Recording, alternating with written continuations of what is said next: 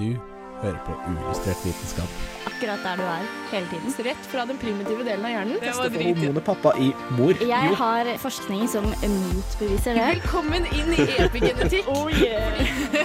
Den, okay. Den var bra. Ja, Jeg har prøvd, og det er litt vanskelig. Det som er litt interessant, er at Tyngdekraftsfobi. forbi Det var en veldig bra fun fact. Og det var godt vi var gode på noe, da. Flink. Ti poeng. Jeg gleder meg til å vitenskape med dere.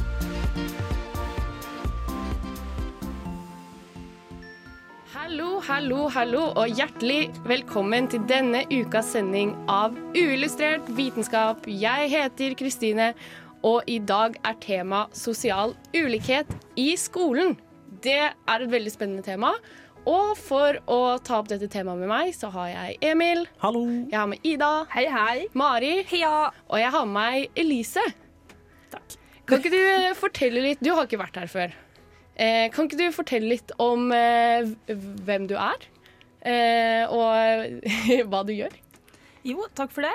Jeg heter Elise Farstad Djupedal og jobber på lærerutdanninga her i Trondheim, som holdt til på Karlskinnet. Og der forsker jeg på historiske endringer i læreplanen, men der bl.a. sosial ulikhet er en veldig viktig dimensjon.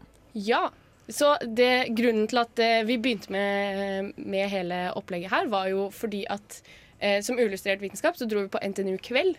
Eh, der hvor de hadde tema sosial ulikhet, og så hørte vi litt på at de tok opp temaer rundt sosial ulikhet, da, og det syntes vi var kjempespennende. Og da var vi sånn Yes! Eh, det her vil vi snakke om på radio. Eh, så det er sånn vi fant eh, Det er sånn vi fant Elise. eh, fordi vi var rett og slett så imponert av den presentasjonen du holdt. Nei, vi ble i hvert fall veldig engasjert, da.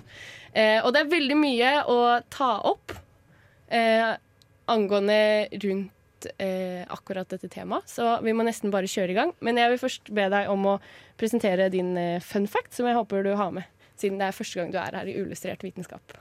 En fun fact det er at jeg faktisk skal på Ukerevyen i kveld, men så Oi. skal jeg også drikke eplekake i helga. Deilig, deilig. Deilig. Kodeord.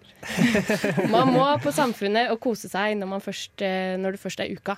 Det Ja. er sånn det er. Ja, men det støttes. Det støttes. Eh, og så håper jeg ikke du får det sånn som Brenn etter det. De synger 'Jeg gir opp' her på Radio Revolt.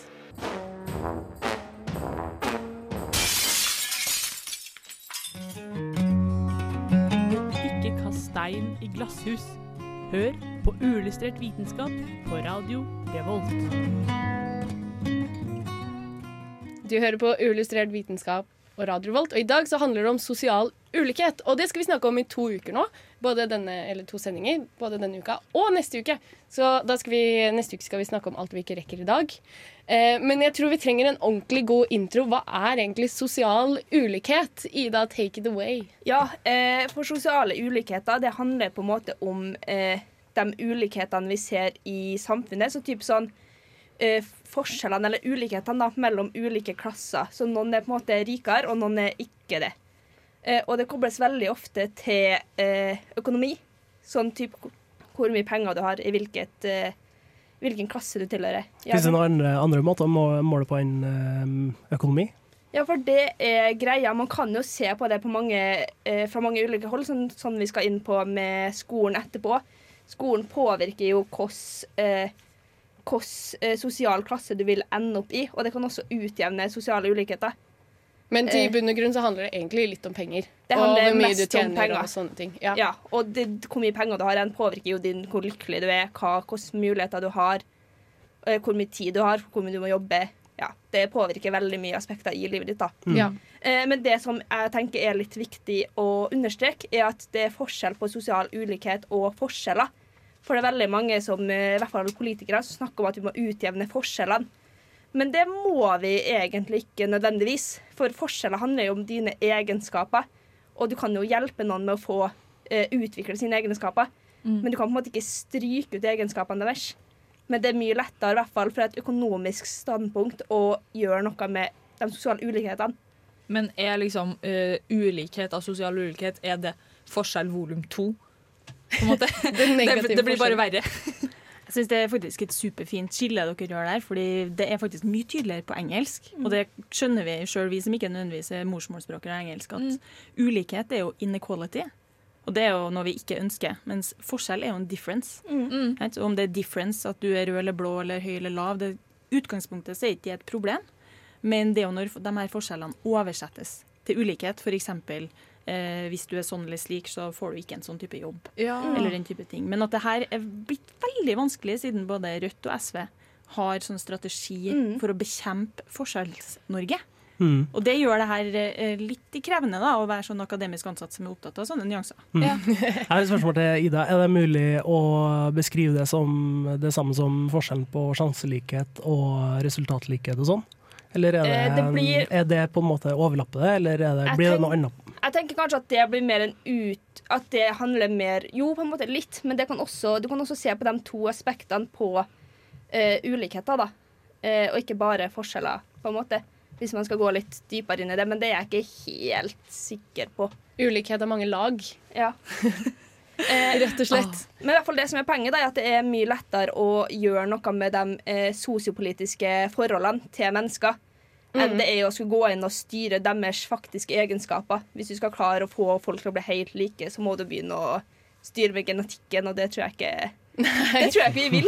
Det tror jeg ikke vi vil. Men det er jo på en måte ikke det man ønsker heller, kanskje. Man vil jo bare gi folk like muligheter. Mm. Eh, eller jeg vil gjerne gitt folk like muligheter, da. Eh, og det er det jo mange i Norge som gjerne vil òg. Eh, og det som er et poeng videre, da, er at i ethvert samfunn så vil man jo ha eh, en viss form for ulikhet. Det vil alltid være forskjellige klasser til en viss grad. Mm. Men så er spørsmålet hvor mye vi ønsker å tillate oss. Og i Norge så har vi jo eh, valgt at vi ikke skal ha Eller vi har et ønske om å ikke ha så store sosiale ulikheter, da. Mm. Eh, og det har jo blitt gjort gjennom mange ulike måter. Både med skolen på at man ønsker mer sosial integrasjon. Men det har også vært eh, et veldig stort fokus på å få velferdsgoder som kommer til alle, og at folk skal ut i jobb så man eh, får like muligheter. Det er, jo, det er vel Beklager, er ikke det der liksom det blir til politikk, da? Hvor, eh, hvor, I hvor stor grad man vil bekjempe det? Og det kunne vi også ha trukket inn det du snakka om i stad. Når det blir til politikk, da eh, Da er vi fucked. det er da uillustrert vitenskap eh, går over til eh, låt. Eh, vi skal snakke mer om hva Elise har forsket på, men før det så skal vi høre på Wet Dream med Wet Leg her på Radio Revolt på uillustrert vitenskap. Visste du at Cuba i 2015 var det første landet i verden som utryddet mor-til-barn-overføring av syfilis og hiv? Fun facts i Illustrert vitenskap på Radio Revolt.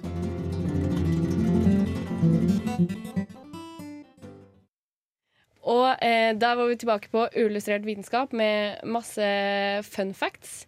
Eh, og nå skal vi gå over til eh, eh, hva du har forsket på, Elise, for det er ganske spennende.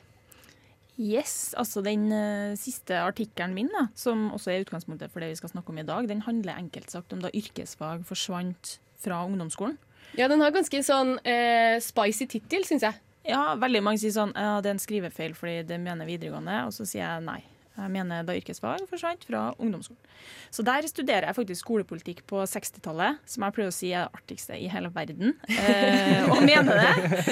Eh, og det som jeg da viser gjennom, gjennom analysene mine der, er egentlig at i 1960 så var yrkesfag og studieforberedende fag da, de var mye mer likestilt i ungdomsskolen. Så skjer det et arbeid der også synet på ulikhet endrer seg. Eh, og så ender man opp da med det første felles læreplanverket i Norge i 1974. Eh, der eh, yrkesfag ikke er en del av ungdomsskolen. Så det var planlagt inn, og så skjer det noe da på 60-tallet. Og så når vi kommer til 74, så er det ut. Hva var det som fikk deg til å, til å tenke på at dette var en ting?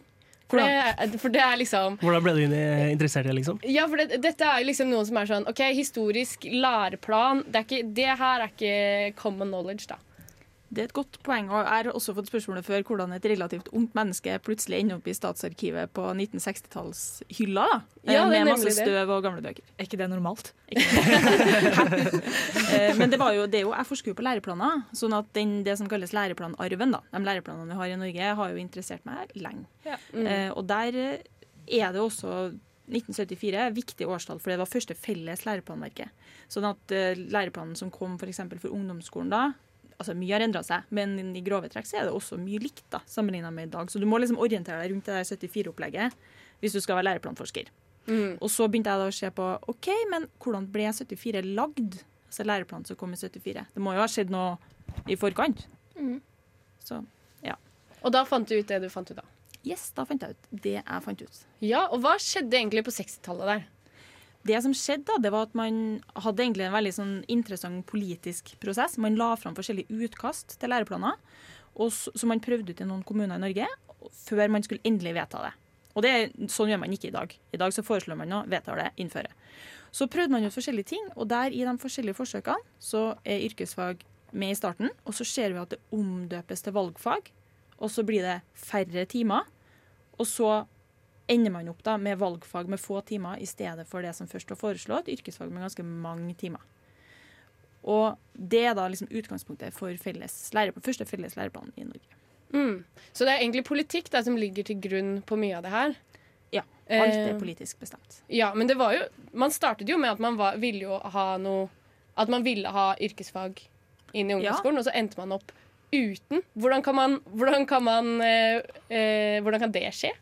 Det var jo et spørsmål jeg stilte meg òg, og en av de enkle svarene på det, det er at man starta med første liksom, problemstillinga i 1960. Det var hvordan kan vi lage en skole der både praktisk, teoretisk, estetisk talent får lov å blomstre. Det vil utjevne ulikhet, hvis vi lager en skole som passer alle. Mm. Gjennom 60-tallet endres det til at målsettinga blir hm, Vil ulikheten heller utjevnes hvis alle får akademisk utdannelse? Kanskje. Og hvis svaret på det er ja, da er ikke noe poeng med å ha yrkesfag der. Så synet på ulikhet endrer seg. Ja. Ja, jeg, sy syns det er litt interessant og litt rart, fordi at eh, fra et historisk perspektiv da, så var jo etterkrigstida en veldig sosialistisk periode. Eh, og etter hvert også da i styring av Gerhardsen og Arbeiderpartiet. Og vel sånn Arbeiderpartiet. Arbeider. Det er ofte det man knytter opp mot yrkesfag eller de her liksom praktiske fagene. Og da, det, så jeg kobler ikke helt den der endringa på 60-tallet. Ja, jeg lurer jeg er litt sånn å, Hvorfor? Det, det stemmer ikke! Det stemmer, det stemmer ikke! Ja, men Det er utrolig godt observert. Sant? Men der kan vi, jo, vi, kan jo da, vi kan jo egentlig da peke på at sosialdemokratiet har vært to ting i Norge. sant? Ok, Styrka arbeidere på ene sida, Mm. og det kjenner de fleste til. Sant? Etterkrigstid, en sterk arbeidertradisjon. Men sosialdemokrater og sosialdemokratiet har også vært utrolig gode sosialarkitekter. sant? De har villet forme og styre samfunn. Og hvis du tenker på, på den, den ideologien der, så er det da veldig mye som tyder på at OK, men vi ser et helt utrolig potensial hvis flere får høyere utdanning i Norge. Da kan helseforskjeller forsvinne. ikke sant? Jeg bor på Lamoen, der hadde jo folk fugler på loftet fordi det sto så dårlig til med, eh, med boligene og sånn. Men Ja. den enorme trua på at utdanning, sånn som vi ofte snakker om u-land i dag, kan løfte Norge til nye høyder. Og da var det ikke snakk om å styrke noe sånn blikkenslagerutdanning eller frisørutdanning. Da var det snakk om å styrke universitets- og høyskoler. Ja, for jeg føler at det var veldig sånn Nå skal alle utdannes. Nå skal alle utdannes skikkelig, på en måte. Men det er lett å tro da, på utdanning når du presenterer det på den måten. At når du styrker utdanningen, så kan du redusere helseforskjeller og, det er, og øke lønnsnivået og sånne ting. Altså, det høres jo ut som noe som man kan Det høres ut som en enkel ting å selge inn, da, for å si det sånn. på en måte. Alt bundet i kunnskap. Ja. Og det som vi da ofte glemmer å stille spørsmål der, da, som jeg er opptatt av, det er jo hvordan type utdanning og hvordan type kunnskap. Ja, ja. For det er ikke blomsterbindere på videregående VG2 som blir styrka når vi snakker om kunnskap. Vi snakker ofte om regning, skriving, lesing, Mm, kanskje mm, digitale veldig. Og utdanninga også. Ofte høyere utdanning. Det er liksom ikke Jeg hadde en student en gang som var student ved eh, børsemakerstudent i Nord-Trøndelag. Oi, det var spesifikt. Hæ? Ja, men ikke sant? Men det er sånn, selvfølgelig, det er utrolig langt fra børsemakerindustrien til Ja. nasjonale strategier for utdanning. Men det var bare ett av mange eksempler. Mm. Så eh, de fant jo Så det var en liksom sånn OK, hvordan skal vi redusere sosiale forskjeller? Eh, vi eh, fokuserer på eh, å utdanne flest mulig lengst mulig. Eh, og så ble det sånn som det ble i dag. Eh, men har det nødvendigvis redusert forskjeller? Det er jo spørsmål man, sitte igjen, man sitter igjen med etterpå. da Funka det, liksom? Ja, det er jo et veldig godt spørsmål, og det er også avhengig av litt forskjellig ståsted om hvordan man svarer på det spørsmålet. Men sånn funka det. Man løfta jo utrolig mange i Norge eh, opp av skitten. Eller liksom, det ble ikke så mye mer potet og sild, liksom. Nå er det andre ting som står på bordet, og større velstand. Nå er det potet og laks. Nå er det potet og salmalaks. Riktig. Eh, men så hvis vi begynner å gå inn i detaljene, så er det jo et spørsmål eh, hvordan heva denne strategien livet for alle, og også har den ensidige satsinga på utdanning også gjort det enormt mye mer krevende å ikke mestre Ja. skole og utdanning. Sant? For når du sier at det her er viktig, det her er viktig, det her er viktig, da blir det ikke lettere å ikke få det til. Mm. Og det er kanskje den eh, spørsmålet eh, Ja, men hva om vi hadde gjort det annerledes, da? Som, man, eh, som du kanskje sitter igjen med nå. Eh, hva, om vi, hva om vi hadde styrket andre typer kun, eh, kunnskaper? Hvordan hadde verden hvordan er det norske samfunnet, da, vi begynner der, sett ut den dag i dag? Eh, det skal vi diskutere mye mer, men før det så skal vi høre Opp og ned med Jay Zeno og Martin Hazy.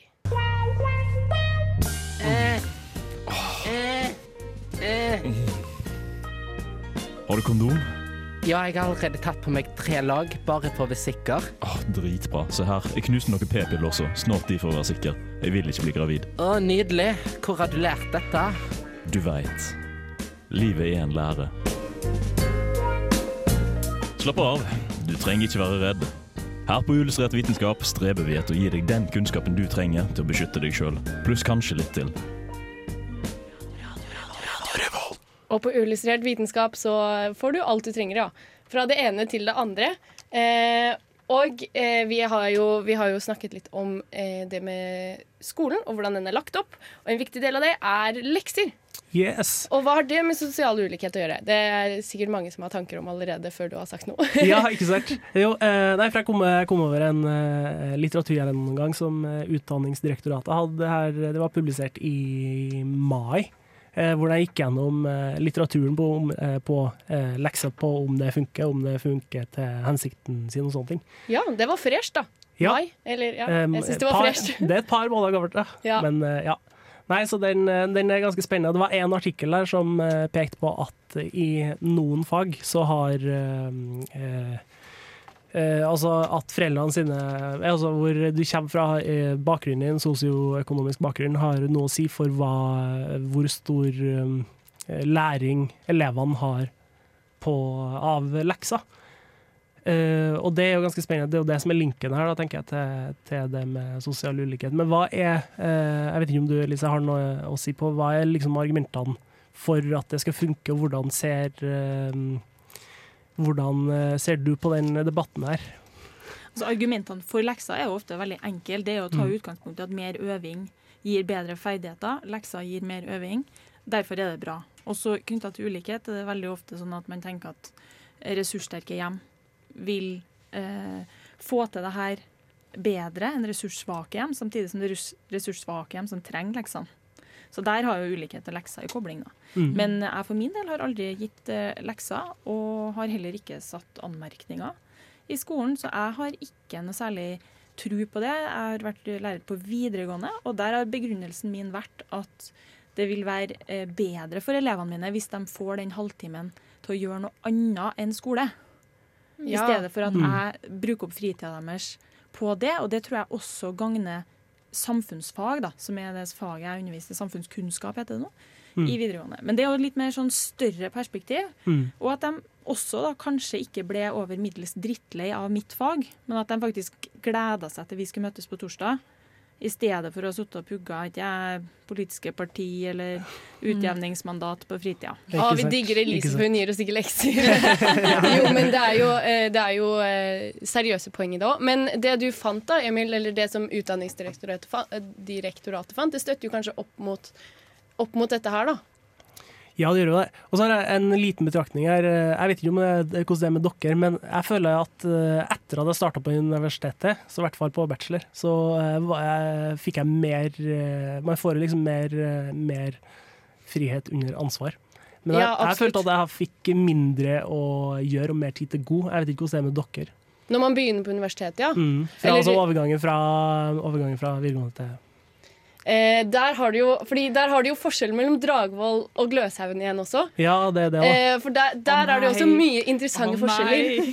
Jo, jo, men eksempel på Gløshaugen så har de mye mer av det man da ville kalt lekser. Sånn øvinger. Du har mye Mm. mer oppgaver som du må gjøre til en tidsfrist. Mm. Mens på Dragvoll så har du mer liksom sånn store, litt langsgående prosjekter som du du må jo gjøre det, men du har liksom færre, og tidsfristen er lenger. Og det Mm. er kanskje større oppgaver, men det, det er Jeg føler i hvert fall at du har mer da, mindre undervisning, mer tid til å gjøre disse oppgavene. Eh, der er det også forskjeller, da. Eh, I hvordan, de er, hvordan det er lagt opp. Og det er også eh, veldig spennende å, å se på, da. Ja. De ulike utdanningene, hvordan liksom, fagmiljøene ser på dette her. For det er jo Her er det ting. Hvis jeg bare kan si én ting til, da, Ja. så er det det at lekser i arbeidslivet kalles overtid. Ja, Ja, ikke sant? veldig. Det er jo også et godt Vi hadde jo kanskje vært bedre arbeidstakere hvis vi hadde jobba hele kvelden. Det er jo mange land som tenker sånn, USA, Ja. andre Ja. land. Mens Ja. i faktisk i Norge så har vi et slags sånn regelverk rundt det her for arbeidstakere. Mens i skolen så er det faktisk fritt vilt og opp til lærere å legge på så mye de vil utover barn og unges kveld, og det er ganske interessant. Ja, men det, der, det der er veldig gøy, faktisk. For det er liksom det, du, du tvinger ungene dine til å gjøre lekser. Eh, men når du får beskjed fra sjefen din om at du må sitte igjen en halvtime, sånn, da skal jeg bedre meg og betale for det. Ja, og du får sushi og det ene med neste, liksom. Og du får dobbelt så mye betalt for det. Ja, nettopp. Det er helt sjukt, liksom. Og det som også er litt interessant der, er at eh, i USA så funker det jo ikke at de sitter utover kvelden. De bruker jo bare altså, begrepet FaceTime. De er der bare fordi sjefen er der. Er det da verdt det? Får man eh, konsentrere seg om leksene? Ja, nei, Det er også eh, et veldig viktig poeng i det. Eh, vi må gå videre og snakke om eh, det med eh, forskjeller både før og etter man begynner på skolen.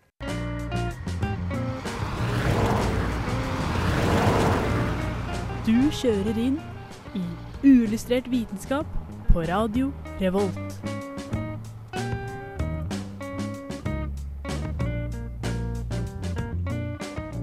Der tar vi en rolig liten innkjøring inn i Uillustrert vitenskap på Radio Revolt. Ja, og eh, nå skal jeg ta opp et tema som eh, min far har fått meg engasjert i, faktisk. Eh, Shout-out til pappa. Kult. Eh, og han mener det, da. Han sitter ved middagsbordet og så sier han sånn Du må, sånn som du er i dag, så må du ha eh, Så må du ha høyere utdanning for å få deg jobb. Sånn er det bare.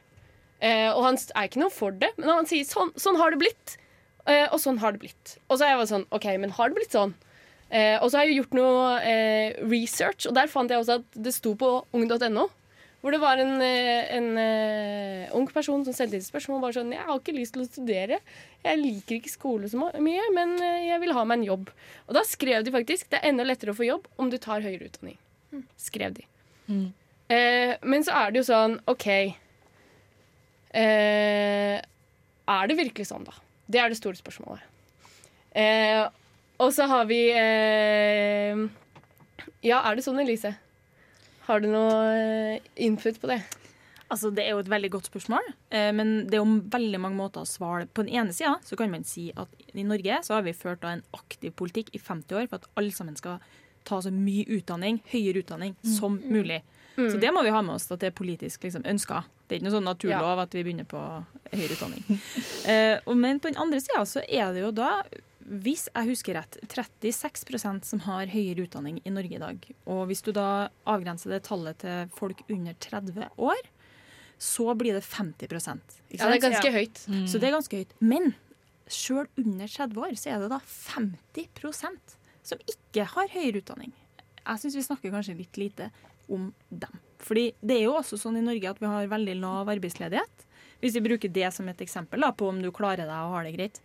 Sånn at det vil jo da tyde på at det går jo faktisk helt greit å være blant de 50% under 30 år, eller de ja, gudene blir det, 65% i hele befolkninga Mm. som ikke har høyere utdanning.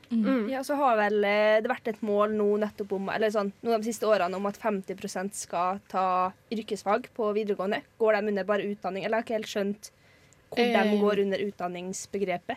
Høyere utdanning, det er, eh, det er universitetet. Ja, men eh, er det på en måte et mål at man skal ha at de skal være utdanna, men ikke nødvendigvis Jeg nå mista meg sjøl i mitt eget spørsmål. Men jeg vet ikke jeg hva målet på- er. på Ja. det, fordi det der er et godt eksempel på litt sånn miksa styringssignal. da. Mm. På den ene sida ønsker man at alle sammen skal ta høyere utdanning, så mange som mulig. Superbra. Åpne slusene på høyskole og universitet. På den andre sida sier vi at vi skal ha et yrkesfagløft. Ok, men hva betyr det i det her? For I utgangspunktet er du ferdigutdanna når du har et uh, fagbrev, sendebrev Mm. som rørlegger, tømrer, frisør. Du kan bygge på det med fagskole, du kan bli mester, såkalt. Men det er i utgangspunktet for de få. Altså Det er ikke tenkt at det er nødvendig for alle tømrere eller alle frisører. Sånn at ja, Det er det jeg kaller det det er litt sånn miksa styringssignal. Sånn det er miksa politiske ønsker. Hva ønsker man egentlig? Litt sånn up for grabs, vil jeg si. da. Det peker litt forskjellige veier. Og her syns jeg også det er litt rart sånn det vi snakka om tidligere, om at uh, yrkesfagene har forsvunnet fra ungdomsskolen. Det er jo litt vanskelig altså Jeg, visste, jeg hadde ikke visst om jeg hadde hatt lyst til å bli rørlegger. For jeg hadde jo aldri noe som hadde med det på ungdomsskolen. At det, kanskje det Ja, det er litt vanskelig at- å komme på, liksom. Ja, at det blir litt Ja. lavere status å ta yrkesfag. Men nå hadde jo typ vi, da, eller sånn vår generasjon, eller hva jeg skal kalle det, vi hadde jo sånn sløyd og kunst og håndverk. Det var liksom det, det var de praktiske fagene. Og da var det jo enten eh, olje en sånn smørkniv, eller, eller eh, lage en sånn eh, Jeg vet da søren, en sånn veldig dårlig replikasjon av hånda di av leire. Ja. Det, det var det, liksom. Og det reflekterer kanskje ikke arbeidsmarkedet. Nei. eller sånn. Og eh, faktisk da, så fant jeg et tall på det, og det er over 60% av alle jobbene som er tilgjengelig, de, er jo, de krever ikke høyere utdannelse.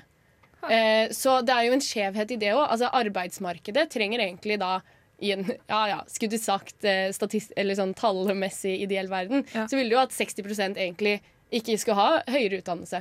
Fordi hva skal du med de, den utdanningsårene dine? Og 30% av jobbene det er sånne typisk sånn akademikerjobber, sånn som du får etter en universitetsutdannelse. Fins det noe tall Beklager. Finnes det noe tall på hvor mange som er i stillinger der de egentlig per def er overkvalifisert? Nei, der, så mye avanserte tall har jeg ikke. Nei. Men det er et Men det er- kjempegodt spørsmål. Ja. Fordi Hvis jeg kan ta et lite eksempel her da, fra det her eh, bruket på Haugen, NTNU, Mm. så har man jo da ikke sant? Da jeg starta på Dragvoll, så var det jo vaktmesterne som klippet gresset. Mm. Ja. Så man hadde en svær driftsavdeling med vaktmestere som klipper gresset. Og det er jo en jobb. Mm. Se for deg hele Gløshaugen, Dragvoll og andre bygg man har, da, Kalskinnet. Og det tar er tid. gress. Det Det tar tar tid. Sånn. Når du har kommet rundt, så er det bare å starte på der du starta, sånn, om igjen. Eh, og så hva ble de her erstatta med? Eh, Robotgressklippere. Men som viktig, ikke sant? Administreres av en mellomleder med høyere utdanning. Ja. Okay. Og det vet ikke jeg. Jeg vet ikke her helt hvordan det er organisert på NTNU, men det her var mer et sånn generelt eksempel på hvordan en logikk endrer seg. Og en mellomleder, eller noe sånt, er jo ofte bedre betalt. Så selv om den kanskje jobber færre timer da, enn gressklipperen, Mm. så er det liksom en Jeg mener det først og fremst er et politisk valg. sant? Vil NTNU sysselsette vaktmesterne med å klippe gresset, som tjener relativt lite, også sammenligna med meg? Eller vil de ha mellomledere som går og fjerner blader fra sensoren på robotgressklipperne, og som suller med det som en del av jobben sin? Ja, for det hadde du kanskje ikke trengt en høyere utdannelse for å gjøre, på en måte, da. Nei, Eh, ikke For å styre en eh, Ja, Det var bare et eksempel, sant? men Ja. jeg tror hvis vi kikker nærme, så tror jeg det finnes mange sånne eksempler på at man liksom administrerer oppgaven. Ja. og et, et annet eh, På den andre siden da Så var det jo en kar som uttalte eh, Han var eh, administrerende direktør i Abelia Han satt i Krono i 2020 eh, At det er for få folk i Norge som har høyere utdannelse Fordi det er faktisk lite eh, Mindre høyere utdannelse i Norge Enn det er i andre land eksempel Danmark og Sverige eh, de, har, de nærmer seg liksom De er litt over 40-tallet da I prosent Og vi eh, var liksom ned på 30 eh, 36 eh, prosent. Så, eh, og de mener jo da at eh, her, altså, her er det jo et potensial for at Norge skal få mer Mm. folk i høyere utdannelse. Mm. Um, og, men så, eh, så trekker de også fram, da, som jeg syns var et veldig godt poeng, som jeg bare vil si, er at grunnen til det er at yrkesfag uttaler de da, er at eh, det gir kanskje litt høyere lønn i forhold til mange andre land. Og at Mm. du derfor ikke egentlig tjener så mye lønn på det med å eh, ta høyere utdannelse. Eh, du tjener egentlig mer for din egen del, men den sammenhengen mellom antall år studert og eh, antall penger de får, er det, folk finner ikke ut at det lønner seg rett og slett i Norge. da. Og det er derfor det har blitt sånn. Så her er det veldig mange spennende sammenhenger. Eh, og, men vi skal gå videre til hvordan det er før man begynner på skolen, hva slags bakgrunn man har, og hva, hvordan det påvirker oss. Eh, men før det så skal vi høre Aces med You her på Radio Revolt. Hei, jeg er Knut Jørgen Røde Ødegård. Du hører på Uillustrert, som er eh, like kraftig som en supernova, eller kanskje en hypernova. Like vakkert som en stjernehop, og like spennende som en Venuspassasje. Uillustrert vitenskap. Tusen takk for den introen, Knut Jørgen Rød Ødegård. Eh, nå skal vi gå eh, videre til å snakke om hvordan sosial bakgrunn eh, gir forutsetninger for det med skolegang. Ja, ja, ja, ja. ja. Jeg brenner for veldig mange ting, og det her er intet unntak. Fordi jeg har, jeg har lest. Jeg har lest! Og jeg har lest forskjellige artikler eh, om akkurat det her, om eh, sosial bakgrunn knytta til, eh, til skolegang da, og skoleprestasjon. Eh, og så er det jo mange av dem her bunner jo i eh, sånn psykologiske teorier og sånn Vygotsky og Bordeaux. Og til dem som tok de referansene, dere har ikke venner, skaff dere ikke. eh, men eh, alle bunner liksom i at jo, eh, skoleprestasjon det har en tydelig sammenheng med, eh, med hvordan eh, Ja, den, spesielt den sosioøkonomiske bakgrunnen du har. Eh, og rett og slett i at Kommer du fra en spesiell type sosioøkonomisk bakgrunn, så har du denne forståelsen av verden. Og denne kunnskapen er forutsatt for deg. Mm. Kommer du fra en annen, så har du en annen forutsetning for å forstå verden, osv. så videre. og eh, det jeg syns var spesielt interessant, var at en artikkel nevnte at de her ulike da, gruppene som dannes, med de ulike forutsetningene eller eh, kalle synet på verden, eh, når de møtes og samles i skolen, eh, så dannes det spenninger mellom dem. Eh, men skolen i, legger veldig til rette for det også. Eh, og ja, som vi nevnte tidligere, forskjellene blir til ulikheter i skolen. Eh, og at skolen da på en måte melker litt den kua, da. Eh, hvis jeg skal sette det veldig på spissen. Sett det gjerne på spissen. Ja, Det liker jeg. kaster det på spissen. Så ja, jeg lurer liksom på hva, hva har du sett på i forhold til det? Jeg kan jo først bare si noen sånne eksempler. At, altså, hvis du har foreldre med utdanning som, altså, som har videregående utdanning som sin Mm. høyeste utdanning, begge foreldrene dine, Mm. da har du 3,9 i karaktersnitt fra grunnskolen. Mm. Altså når du går ut ungdomsskolen. Ja. Mens tilsvarende, hvis du har to foreldre med lang høyere utdanning, så har du 4,7. Og det, Ja. det er ganske stor forskjell. Ja. Og det er også make tenke- or break eh, mye. ja, mye. make or break. Sånn at, men det vil også si da at alle dem som tenker at de snuser på fem i snitt med to foreldre med høyere utdanning altså Selvfølgelig, det ligger mye egeninnsats og masse rart bak det, men altså, du følger helt snittet. Mm. Eh, og på samme måte så vil da de elevene i klassen som ikke eh, har lang høyere utdanning, de følger også helt snittet. Mm. Og det er ganske deprimerende, syns jeg, at det er så stor forskjell. Og forskjellen er da aller størst i matematikkfaget. Ja.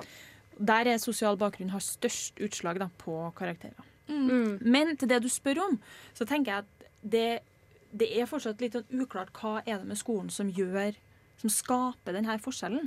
Og der er nok jeg en av dem som støtter meg på de teoriene som sier det, at skolen favoriserer noen sosiale bakgrunner. Jo. Det favoriserer noen type typer oppvekster, familiekulturer.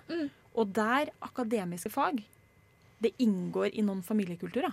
Mm, mm. Lesing, skriving, regning. Absolutt. Så en styrking av dem, det vil si å gjøre det enklere for barn i akademiske familier. Og så vil det gjøre det vanskeligere for dem som ikke har sittet og lest og skrevet og regna fra de var tre år. Ja, for det, det, det er veldig mange av de her forskerne sier, at uh, det er veldig mange av de her med uh, sosioøkonomisk bakgrunn der foreldrene har høyere utdanning, de har bedre forutsetning fordi de forstår skolespråket.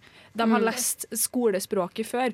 De, de går inn i normene og reglene som er lagt i, i skolen, uh, sammenligna med dem som, som ikke har det, da. Yes, jeg har et spørsmål. Eh, fordi vil, du da si, eh, eller vil du si at det er et problem som kommer av som at, eh, altså, eh, at læreplanen er lagt opp sånn, eller at eh, er det på en måte måten eh, læringa skjer på, eller hvordan eh, Skjønner spørsmålet, eller? ja. Det, er kjempe, det er et kjempegodt og kjempevanskelig spørsmål. Da, vil Ja. jeg si. For at på den ene sida så lærer du at utdanning og skole er en viktig eller uviktig verdi hjemmefra. Det påvirker motivasjonen din. Det påvirker sant, om, om Får du støtte til å gjøre lekser, som vi snakka om tidligere? Mm. Får du sant, å, jeg må øve til en prøve. sier foreldrene sånn Yes! Woo! Eller sier de sånn Nei, vi skal gjøre noe annet i dag. Det har jo selvfølgelig mye å si. Det som jeg er opptatt av, det er jo egentlig hvordan fagporteføljen i skolen, de fagene som står på timeplanen, Mm. gjenspeiler dem noen gitte sosiale bakgrunner. Sant? Når vi snakker om yrkesfag på ungdomsskolen, så er det et spørsmål hvordan hvem sin kunnskap da, tok man ut når man tok ut yrkesfag fra ungdomsskolen? Så Tok man ut noen sosiale grupper det de fikk til? Og så styrka man det f.eks. noen her i studioet har fått det veldig bra, da, siden vi er studenter og ansatt på universitetet. Mm, og så var det jo det med eh, forskjeller innenfor disse typiske yrkesfagene, da. Eh, det sa du noe veldig interessant om i stad. Eh, med at eh, det er store forskjeller i mattefaget. Men i f.eks. Eh, kunst og håndverk, da. Ja, sånn, ja. ja. At det, hvis du da ser på sammenhengen mellom karakterer og sosial bakgrunn, så som jeg sa i stad, så er det størst forskjell i matematikk. Mm. Altså der har, matematikk, nei, der har sosial bakgrunn mest å si da, for karakteren din. Mens hvis vi ser på det som kalles praktisk-estetiske fag, altså mat og helse, kunst og håndverk, kroppsøving og musikk, der har da faktisk sosial bakgrunn minst å si. Så det vil jo da si at en styrking av de her praktisk-estetiske fagene, eller da yrkesfag som jeg har forska på, det vil da gi mer av det flere mestrer. Mm. Og det We'll leave it at that. Tenk på det. Vi skal høre på Hedda May her på Radio Revolt. Hei, jeg heter Markus Haall, og etter overveldende vitenskapelig bevis er det helt sikkert at du hører på uillustrert vitenskap.